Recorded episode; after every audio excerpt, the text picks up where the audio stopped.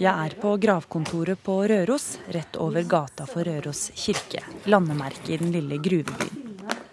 Jeg er her for å finne en grav. Han er på Røros, ikke på Glåmos i Brekken? Det er mange år siden han døde. Hadde han levd, ville Røros kanskje vært kjent for mer enn malmhaugene fra gruvedriften midt i byen og de autentiske trehusene fra 1700- og 1800-tallet. Her er grava hans Per. Og det er altså Der er oppsatt en sånn naturstein. En sånn tynn, litt sånn rar naturstein. Første gang jeg hørte om han, var på midten av 90-tallet. Jeg fant et album av en norsk artist som var helt ukjent for meg. Musikken minnet litt om et annet band jeg likte, Jokke og Valentinerne. Men dette var enda råere og dystrere. Han er født i 1960. Og så kan jeg huske at det var så utrolig pirrende at albumet besto av private innspillinger som var blitt samlet og gitt ut etter at artisten var død. Døde 28.06.1990. Per Bergersen ville blitt 50 år i 2010. Men han døde under tragiske omstendigheter i 1990, rett før han skulle fylt 30 år. Tusen hjertelig takk. Ja.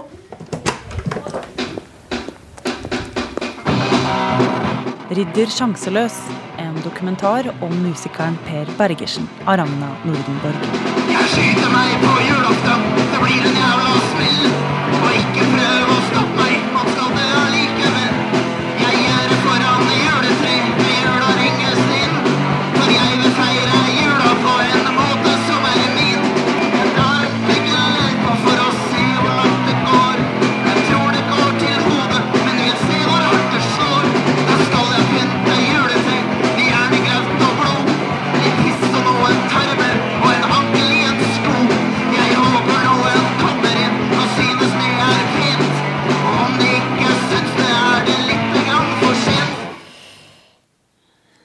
Bergersen kommer aldri til å lese denne anmeldelsen. Eh, Han døde for en tid tilbake i en tragisk hendelse, som blir speilet i en rekke av tekstene her. Jeg tror at vi skal skyte meg med tårer i øya er bare en av mange tekstlinjer som later til å ha forutsagt skjebnen til en fyr som hadde fortjent så fordømt mye mer av livet. Jeg er på besøk hos Mona Bergersen, storesøsteren til Per. Derfor, jeg, har jo, jeg har jo den teipen som er fra når han spilte inn den som jeg liker best. da. Den, der hvor han spiller på, på det vertshuset før han dør. Samme dagen. Det har jeg. Nå står vi på soverommet hennes i Oslo og lytter oss gjennom gamle kassettopptak 20 år etter at broren hennes døde. Mamma, jeg blir rar i hodet av det der. Og han var noen som bød en øl. Opptaket vi hører på, er fra Per Bergersens siste konsert. Høyre, venstre spol. Ok, Hva står det der? Revers. Der. Ja, okay. Det er ikke en av de som, som Thomasgården, kulturkafeen på Røros, var fylt til randen denne kvelden. For det var mange som ville få med seg Pers første solokonsert. Ingen visste at det skulle bli hans siste.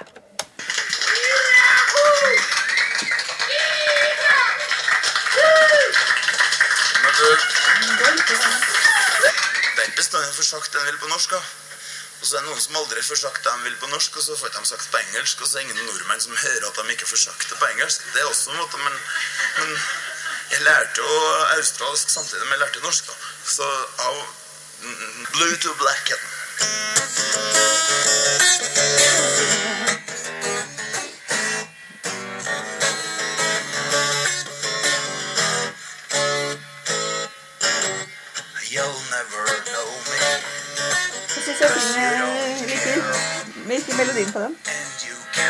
with me when I go to nowhere. You'll look so puzzled when I migrate. I guess we're all alone to know it's just my fate. But I miss to have you here, to talk with you, to walk with you. I don't think have anywhere. We went into the black coming out of the blue. You Hvordan er det å høre stemmen hans, da? Jeg syns det er veldig koselig.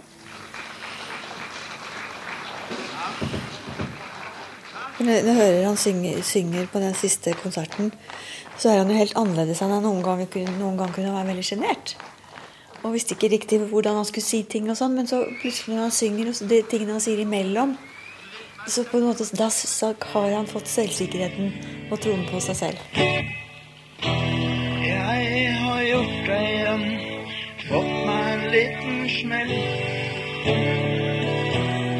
Så ble jeg borte igjen, nå har jeg jævla mel gjeld. Hvorfor skulle det bry meg? Jeg har ikke noe til overs for meg. Bedt om å være her, har ikke bedt om å bli født. De lager sånne kulthistorier og sånt nå om han, ikke sant? At han var et rituelt drap og eh, Ja. Så jeg tror ikke det, men altså det Hvis noen sier at det er sant, så er det kanskje det. Det eksisterer mange myter om Per Bergersens død. Men det er ingen andre vitner til det som skjedde enn Per Bergersen og mannen som drepte ham. Men han svarer ikke på mine brev. Politiet på Røros og advokatene som var med i rettssaken, viser til dommen.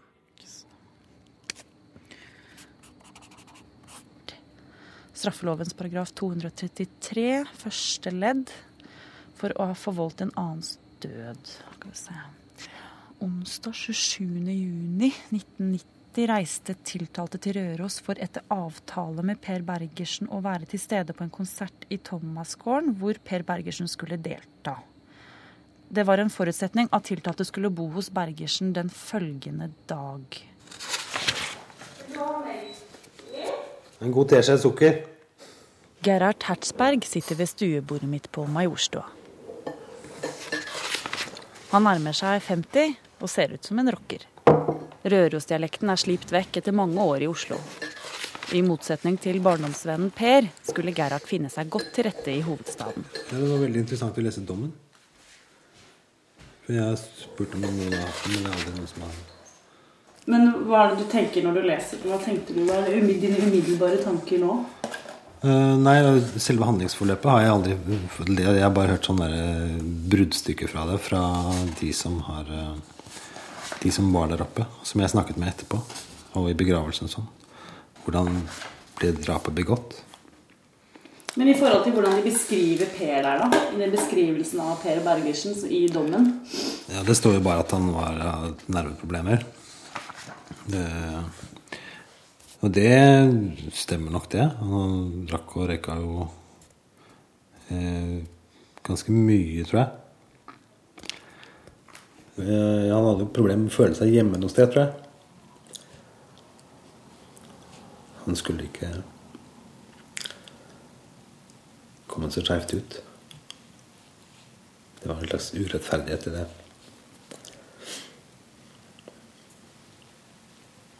Han snakka aldri om det. Kom han så innmari skeivt ut? Når mora hans døde, det passa han fryktelig dårlig. Altså.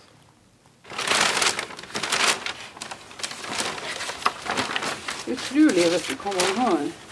Eva Line Nilsen er sølvsmed. Hun er opprinnelig fra Finnmark, men har bodd på Røros i 30 år. Hva er dette? Nei, det er han hjemme hos oss. Hun kjenner Bergersen-familien godt. De var veldig eh, nært, og han var Husk på, hun var interessert i kunst, kultur. Altså, han hadde tilgang på alt som fantes av bøker og litteratur. og liksom, Han var oppmuntra og stimulert, og han fikk lov å De tilbrakte uker og månedsvis i skauen. ikke sant? Han fikk ha med seg kompiser, og de bygde bomber, og de bygde skiløyper, og de hadde hund, og hun hadde hest. ikke sant? Det er ingenting som Altså han var et elska barn, rett og slett, ikke sant? med på en måte alle de kvalitetene som, som jeg ville ha gitt mine unger. ikke sant? For hun hadde midler òg, på en måte, til Ja.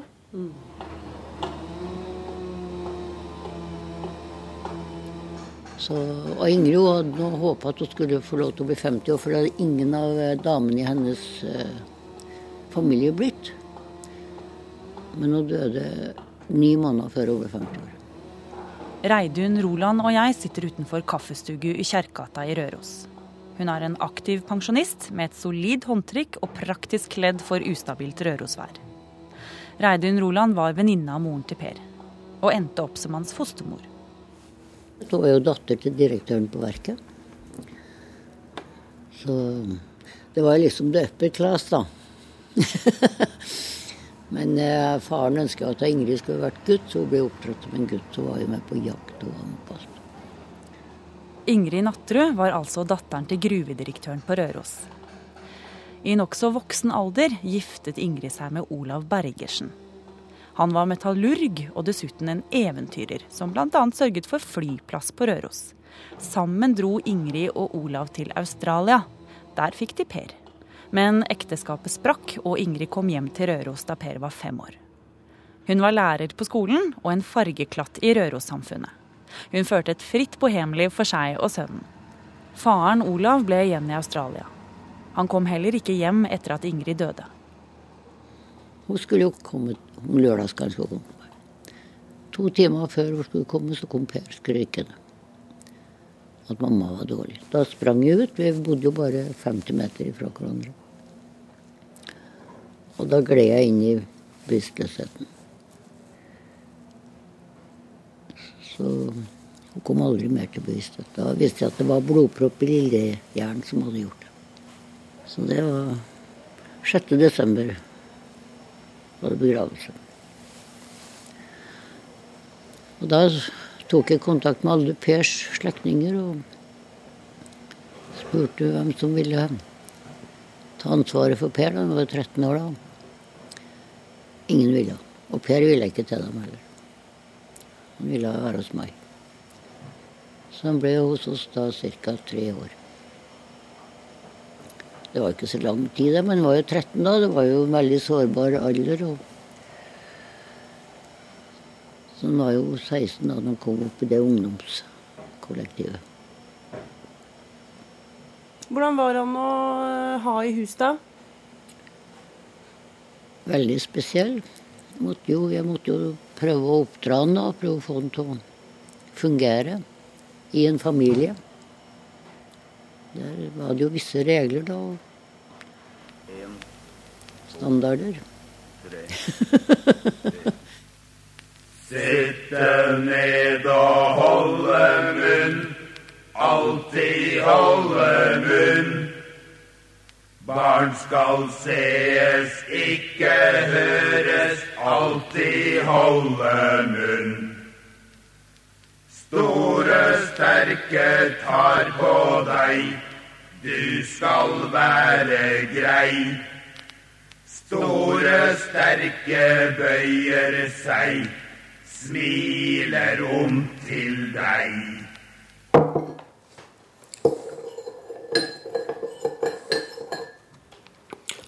Og han ble da plassert hos Reidun Roland.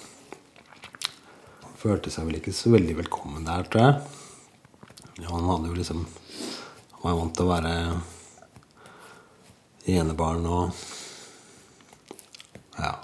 Kunne gjøre litt som han ville og gjøre litt sine ting og sånn. Det var ingen som tenkte på terapi den gangen. Herregud. Og terapi fordi noen døde, om det var mora eller faren, var ikke noe snakk om noe slikt. Tror var sorgen ble innestengt, innestengt inne. Jeg tror det var noe av det hvorfor du drikker, og hvorfor ting som ikke er bearbeidet. Hun flyttet fra Australia alene med mor, ikke sant. Og, og ja. Han ble rykket opp flere ganger, så den, den kjærligheten han, han fikk veldig mye av, den, den klarte ikke å overskygge det som ble forstenet inni ham.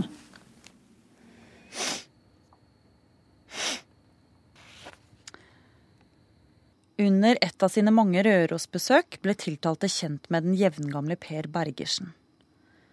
Og etter hvert ble det til at tiltalte under sine Røros-besøk bodde hos Bergersen. Hva som knyttet de to sammen er uklart, men kan ha sin bakgrunn i at også Bergersen var meget musikkinteressert.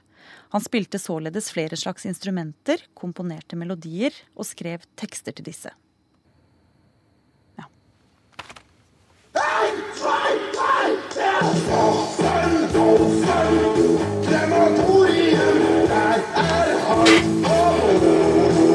Det her er det første jeg hørte Så det er jo helt eh, glimrende. Jeg tror det var eh, i hvert fall Sachsenhausen og eh, På Røros kjente alle til Per Bergersen. Den litt overvektige fyren i MC-jakke med briller som dekket halvansiktet. Han var kjent for å ragge rundt i området i hvit Volvo på full speed, og han gjorde nok mange litt usikre når de møtte ham. Helge er fra Røros, og han var stor fan av over ti år eldre Per Bergersen, som han syntes var litt skummel. Jeg kjente han ikke og var litt sånn nervøs for å ta kontakt med han, så øh, Jeg kjente i hvert fall ikke så mange som øh, øh, kjørte motorsykkel og på en måte levde det livet han levde. Um, så jeg husker jeg dro til huset hans og, for å kjøpe den kassetten. Um, jeg snakka litt med han og kjøpte kassett. Helge Steen fikk oppdraget med å produsere albumet etter at Per Bergersen døde.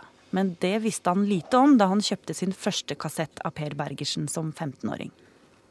Det er jo ekstremt ærlige tekster. Som ikke nødvendigvis er sånn helt uh, ultradokumentariske. Men det er veldig nærme Sånn som jeg oppfatter hans liv, da. Uh, han Per var en utrolig intelligent fyr. Altså vanvittig skarp på vitenskap, litteratur. Altså Han var en meget belest, og, og var jo fra en familie med De var ingeniører, og de var gründere, og det var liksom eh, Så han hadde egentlig en, en vanvittig sånn kapasitet på, på kunnskapssida, kan du si. Men når det gjaldt sånne personlige ting, så var han egentlig en veldig sånn sjenert fyr. I, liksom på tomannshånd kunne han være veldig åpen og, og, og intim og direkte, men, han- men han var veldig sjenert for å på en måte blottlegge seg, samtidig som han hadde veldig sånn intens eh, og, nesten litt sånn barnslige følelser på, på en måte. Så jeg tenker at, at liksom i tekstene så, så finner du på en måte komprimert kommunikasjon på et slags vis. ikke sant? Fordi det han på en måte ikke eh, kanskje var i stand til å, til å få sagt i, i de situasjonene hvor det skulle være, det, det, det komprimerte han ned på gjennom musikken. Og Per var også sånn som ikke var så lett å bli kjent med. da. Det tok jo litt tid for meg å bli kjent med han. Jeg visste jo hvem han var før jeg ble kjent med han. Han regga rundt en sånn eh, gammel sånn hvit eh, Volvo av noe slag, husker jeg. Da Per var 16, startet han på bilmekanikerutdanning og flytta opp på gården Fastevollen utenfor Røros. Der ble han kjent med Jorunn. Hun var sammen med Laffen, som ble hans nye fosterfar, selv om han bare var noen få år eldre. Og det var her han fant musikken. Så, så hadde han jo forsterkeren sin, da, og det som han satte ut på tuene og spilte på full vreng mens han tente på den. da, ikke sant?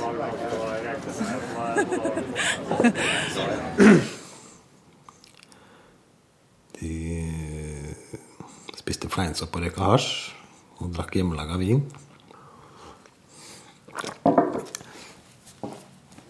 Det var liksom litt overraskende at eh, Per hadde kjøpt seg gitar. Og, og han holdt seg helt for seg selv. Han, det var ingen som visste at han hadde begynt å spille gitar. Kanskje Laffen og Jorunn. Men så plutselig det sånn Ja, skal du høre låten jeg lager? Jøss, gitar? Ja, jeg kan spille òg. Og så spilte han, eh, spilte han en låter. Og jøss, tøft. Du måtte gå fra meg, det skjønner jeg så godt. Men du vil være venner med meg, det syns jeg er litt for rått. Jeg må ha sett det selv, men jeg var vel litt for sprø. For jeg var så borte i deg, og nå vil jeg bare dø. Jeg skal aldri gjøre det mer, for alt jeg gjør blir noe tull. Og når jeg er fyllesyk, skal jeg aldri mer drikke meg full. Jeg var ikke nok for deg, det er ikke særlig rart. For jeg er ikke pen og tøff, og jeg er ikke særlig smart. Jeg skulle skjønt da at du var altfor ung. Og nå kan jeg ha det så bra, for den børa jeg bærer er tung. Jeg skal aldri gjøre det mer, for alt jeg gjør blir noe tull. Og når jeg er fyllesyk, skal jeg aldri mer drikke meg full. Men det fins drømmer her, og i drømmen er allting mitt. Jeg eier alt som skal til for et endeløst mareritt. Da ser jeg fanden på veggen, og fanden sliter seg fri. Blir jeg liten i hodet og har ikke mye å si.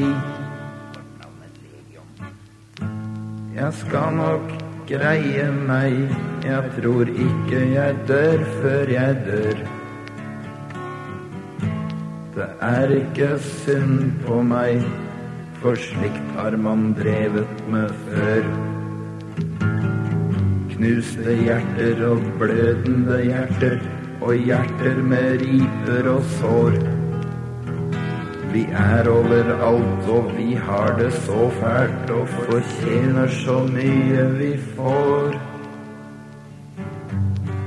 Jeg vil ikke gjøre det mer, for alt jeg gjør blir noe tull. Og når jeg er full og sjuk, vil jeg aldri mer drikke meg full. Ehm. han hadde jo ikke eh, noe sånn stor lykke hos damene heller, da, vet du. Så det også var en sånn uh,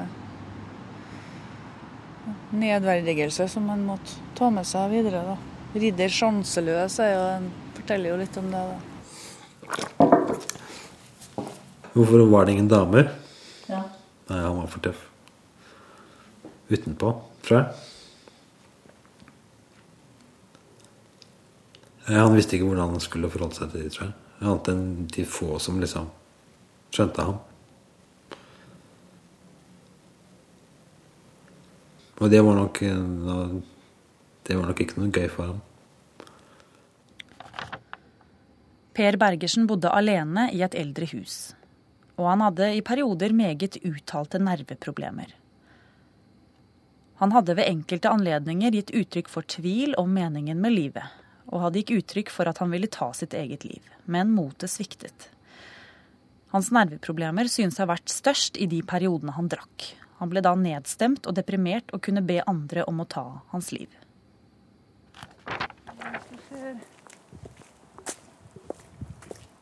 Den flaggstanga hører til Per sitt hus. Så det er mora til han Per da, som, fikk, eh, som har fått det huset tegna og bygd. Um, Så nå er det jo garasje og forskjellige ting på tomta. Opprinnelig var det bare det, um, det lille huset. Da Per ble 18, flyttet han tilbake til huset moren hans bygde på Stormoen rett utenfor Røros sentrum. Der levde han på arv og trygd mens han dyrket musikk. For det var jo sånn Når Per ble 18 år, var det vel, da fikk han øh, kunne han løse ut hele arven etter sin mor og alt dette. Så han solgte jo unna alt som var av smykker og kunst. Og fikk masse, masse penger.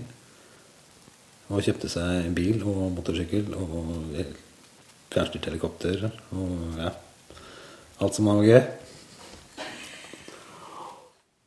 Altså Han eide jo eiendommer og hytter og hus og malerier. Han var jo eh, i slekt med Christian Krohg. ikke sant. Så jeg husker jeg var hjemme hos han på besøk når han hadde fått, vært og henta masse malerier som hadde stått lagra på kommunen i årevis. sånne originale- Da var det annet et originalt Christian Krogh-maleri hvor han Christian Krogh sitter i en gyngestol, og klokka er fem på tolv. En av de siste selvportrettene han har lagd, liksom. Og han Per liksom Jeg kan jo ikke henge det her opp noe blad. Nå kommer jeg jo til å gå på trynet gjennom Gjennom det vi sa. Det var gullringer, og det var Altså, når han var blakk eh, For han hadde jo noe slags trygd eller greier, da, sant? men han var jo blakk. Og da for han jo og solgte, for på antikvariat eller gud vet hvor han var, og, og solgte de her eh, Og det gjorde han jo skikkelig vondt, ikke sant? for det var jo tross alt noe han hadde arva etter foreldrene sine. Men hvor mange gullringer trenger en 18-årig gutt, liksom? Altså I tillegg til kassettene som sirkulerte på Røros, hadde Per Bergersen én offisiell utgivelse før han døde. Jeg tror jeg spiller duejakt. Altså. I 1985 ga Gateavisa ut singelen 'Duejakt'. Noe Per skal ha vært veldig stolt av. Ikke glem at vi har sett det før. At snille folk ligger på gata og blør. Palme har vist oss hva purkene gjør. Når jegerne kommer og duene dør. Da er det fint å være kurder. Vi har ikke tatt noen palmemorder. Han går i mørke klær. Det virker som om tekstene til Per passet godt inn i det anarkistiske ungdomsmiljøet i Oslo på 80-tallet, da frontene var steile mellom politi og blitzere. Han bodde også en periode i Oslo, men oppholdet førte bare til hjemlengsel. Og så flytta jeg til Oslo, for der har der alt skjer. Og det hører alle dem som skal skje. Så når alle dem som skal skje, hører at noe skal skje, alt, alt skjer i Oslo, så drar alle dem som skal skje til Oslo, og da skjer alt i Oslo. Jeg trodde jeg òg. Og så jeg trodde, ja, men jeg for nå til Oslo. jeg. Eneste jeg så var røyk og dritt og piss og purk og faenskap overalt. Rygge politihestene i sittende demonstranter og kysse meg. altså. Verste, altså. Men så, da satt jeg der, og så skulle jeg og var så lei meg og alt sammen. Og så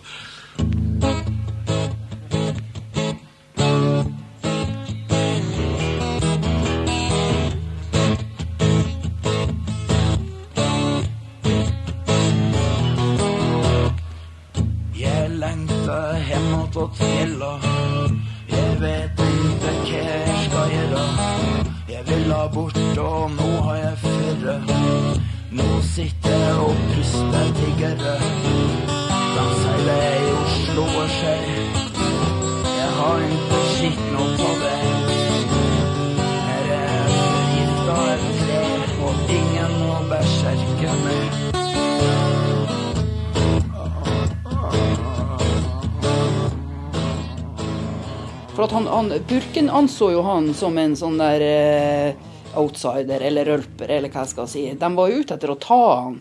Han ble jo f.eks. tatt en gang for å ha kjørt på rødt klokka to om natta med motorsykkel. Og da er du ivrig, vet du, når du legger deg bak noen som er borte. Vi har ett lyskryss på hele Røros, og det gikk akkurat rushtid der borte, ikke sant? La den som har forstand regne dyrets tall ut, for det er et menneskes tall, og tallet er 666. Hurra for Henning. Han fortjener takk. Ja, jeg tror nå av og til også kom til den konklusjonen. Hurra for Henning, han fortjener takk. Hurra for Henning, jeg tror jeg ler meg knakk. Gi oss mere Henning, han er livets vann. Hva som måtte hende, Henning holder stand. Henning er vennen, Henning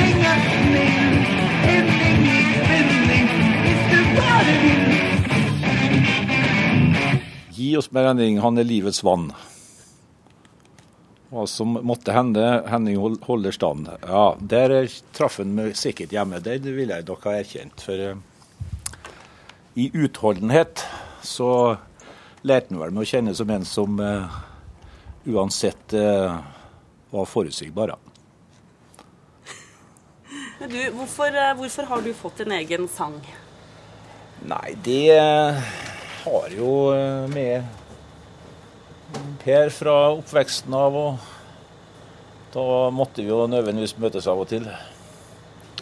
For jeg har vært, eh, vært politi på Røros siden 74, så det sammenfaller jo mye med barn, barn- og ungdomsåra fram til den døde. Så eh, da lærte vi hverandre å kjenne. På godt og vondt. Per likte å sprenge ting i filler med hjemmelaga bomber. Han brukte hagla i tide og utide. Han vanka også med mange av frikerne på Røros, røyka hasj og gikk berserk på hjemmebrent. det var flere enn politiet som så på han som byens rebell. Han hadde en veldig sånn øh, fredelig side i seg òg, ikke sant, som elska å være ute i øh, Ja, ute i det fri. Og jeg tenker der òg tror jeg han følte seg fri, for der var det ingen, visste han at ingen kunne komme og ta han, eller ingen kunne komme og, og punke med han på en måte. Sant? For jeg tror at, at det at han var såpass rølpa, gjorde jo at i perioder så, så, så hadde han vanvittig mye besøk av folk som trodde at det var bare å komme og rølpe. Sant? For at de så ikke hele fyren. Men jeg, jeg bare vet at det ble mye festing og, og, og herjing i perioder. Og, eh, og når han da var lei og sliten, så visste han ikke helt hvordan han skulle si på en pen måte at kan ikke dere gå hjem? Så noen ganger så skjøt han bare opp i taket, og så sprang alle. Og da fikk han rykte på seg at han var så fæl. Men egentlig så visste han rett og slett ikke kodene. ikke sant? Det var- Hvem hadde lært han dem ikke sant, opp gjennom årene? Ikke med og sånn. Vi er på Røros fritidsklubb, der Andreas på 18 og Jo Rikard på 22 tilbringer mye av tiden sin. For ikke lenge siden oppdaget de to unge musikantene at lille Røros hadde sin helt egen rockestjerne. For en tid tilbake siden arrangerte de to en minnekonsert for sin store helt. Da prøver vi en gang til. En, to, tre. En, to, tre. Hva skal jeg pynte juletreet med jernegaut og blod? Litt pust og noen tarver og en anker i en sko. Jeg håper noen kommer inn og synes det er pent. Og om de ikke syns det, er det litt grann for sent.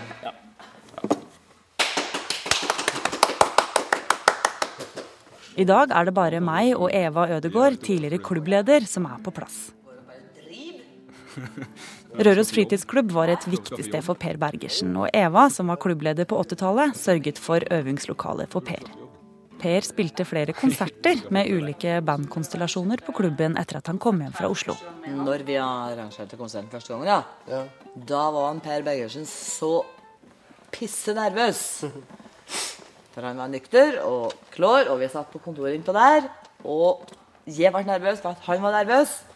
For jeg var redd og stappfull, masse folk, og han var ikke sikker på om jeg tør å gå på scenen. da. Så han gikk han fram. Trava, trava, mens jeg sa OK, sirkel. Og tok showet. Men det var veldig vellykka konsert, og gikk veldig bra. Så fikk han en veldig opptur, og det var jo kjempeviktig. Per fikk samla et band med lokale musikere som spilte konserter både i Røros og Trondheim. Men gruppa falt fra hverandre i en periode da Per sleit ekstra mye med livet. Ja, han var ganske deprimert i perioder, så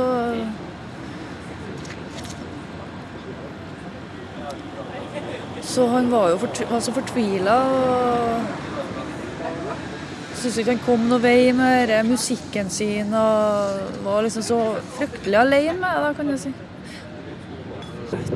Og inneslutta var han. Så tok jo seg en fest og sånne ganger for å løsne opp og sånn, da. Det,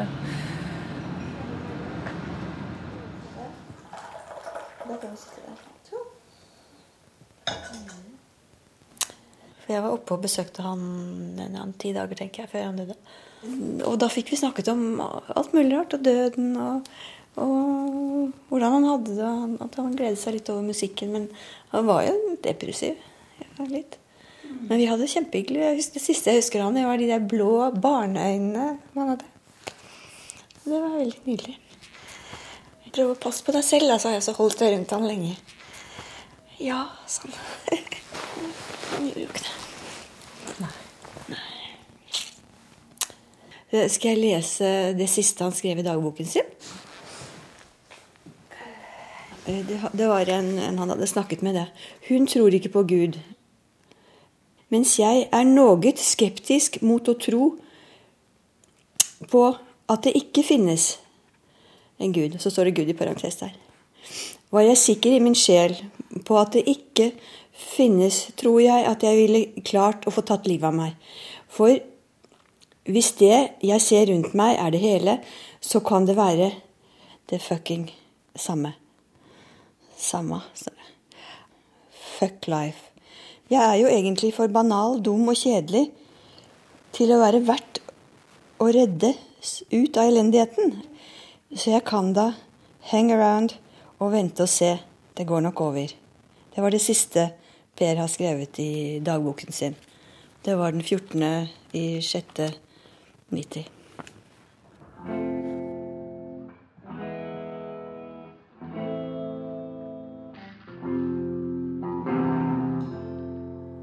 Onsdag 27.6.1990. Thomasgården på Røros. Alle bordene på Kulturkafeen er befolket av venner og kjente som har kommet for å høre Per spille solokonsert. Per eh, mener jeg sto, ja. Spilte gitar. Det var veldig intimt der, da. Så jeg satt jo rett foran der. Og vi tok opp lyd, da. Og en Loffen. Så vi hadde en mikrofon. Husk da du syntes at alt gikk skitt. Nå kan du se etter om du syns du hadde rett. Og det var kjemperespons på hver låt. og Per var blid og glad og gjorde jobben sin, her. Så eh,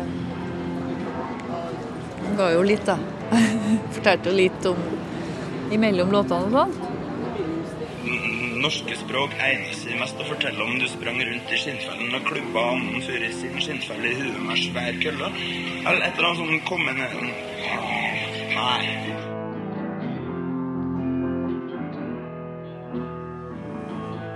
Det var jo på en måte noe nytt som begynte med det, egentlig. Så fikk det jo ikke fortsette. Dessverre.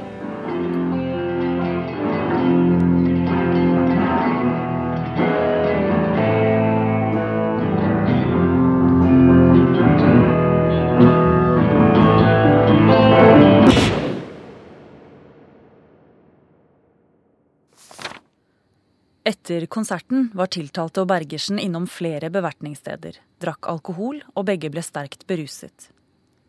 De mistet imidlertid kontakten med hverandre.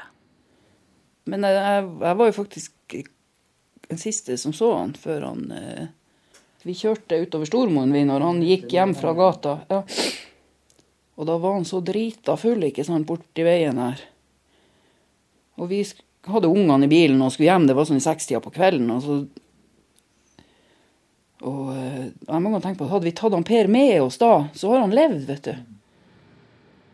Tiltalte kom til Bergersens hjem anslagsvis klokken 17.15. Han banket på døren, og Per Bergersen kom og lukket opp. Bergersen holdt et dobbeltløpet haglgevær i hånden, men uten å true med det. Tiltalte gikk inn, og Bergersen fulgte etter rett bak ham.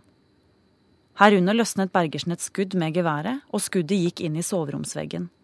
Det er helt uklart hvorfor Bergersen avfyrte skuddet, som imidlertid medførte at tiltalte skvatt og ble redd.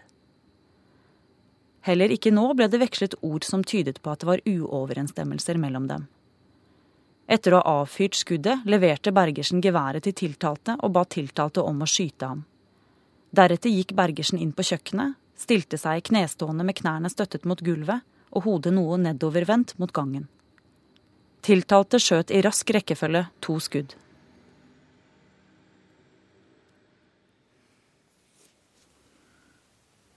Han som gjorde det, han sprang jo sjøl på lensmannen og varsla hva, hva han hadde gjort. Så um, Jeg husker at kaffen kokte over noe jævlig. At jeg går frem og tilbake på kjøkkenet med å tørke kaffegrug og skjønner ingenting. Det var ikke som at det ble helt sånn tomt. Så det, men jeg husker det, hele den uka der før vi begravde han, at det regna, mener jeg i hvert fall at det gjorde. Det føltes i hvert fall sånn. Sterke allmennpreventive grunner tilsier en streng reaksjon overfor den som begår drap. Selv om drapet er skjedd med Bergersens eget samtykke, mener retten at tiltalte burde ha unngått å begå en handling med uopprettelig skade. Straffen fastsettes til fengsel i seks år. Ja, han var ikke, han var ikke redd for å, for å dø, men han, han elsket jo den musikken, og han var veldig glad i mange mennesker også. Så, så det kan godt hende at det er sant, det han sa, han som, som skjøt han, at uh, han sa 'ja, bare skyt'. Det kan godt hende han sa, men jeg tror ikke han, han liksom mente det. Sånn som noen sier at det var et rituelt drap, det tror jeg ikke noe på. Det tror jeg ikke noe på. Jeg tror han var litt full. Spesiell naturstein.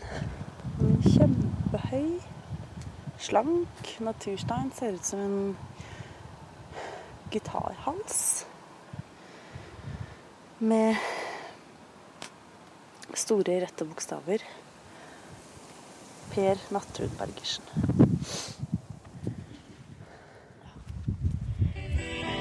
Så jeg cruiser av gårde med skygge i øya og gniste i håret. Hva faen, går det så går det. Er ikke noe vits å ha salt i såra. Og først kurre bryr meg. Jeg har ikke noe til overs for meg. Jeg har ikke bedt om å være her. Har ikke bedt om å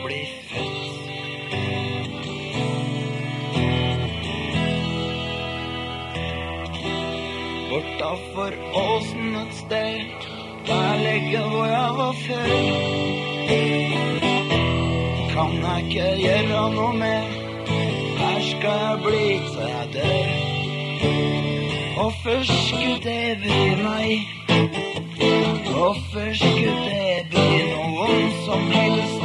Jeg har ikke bedt om å være her. Har ikke bedt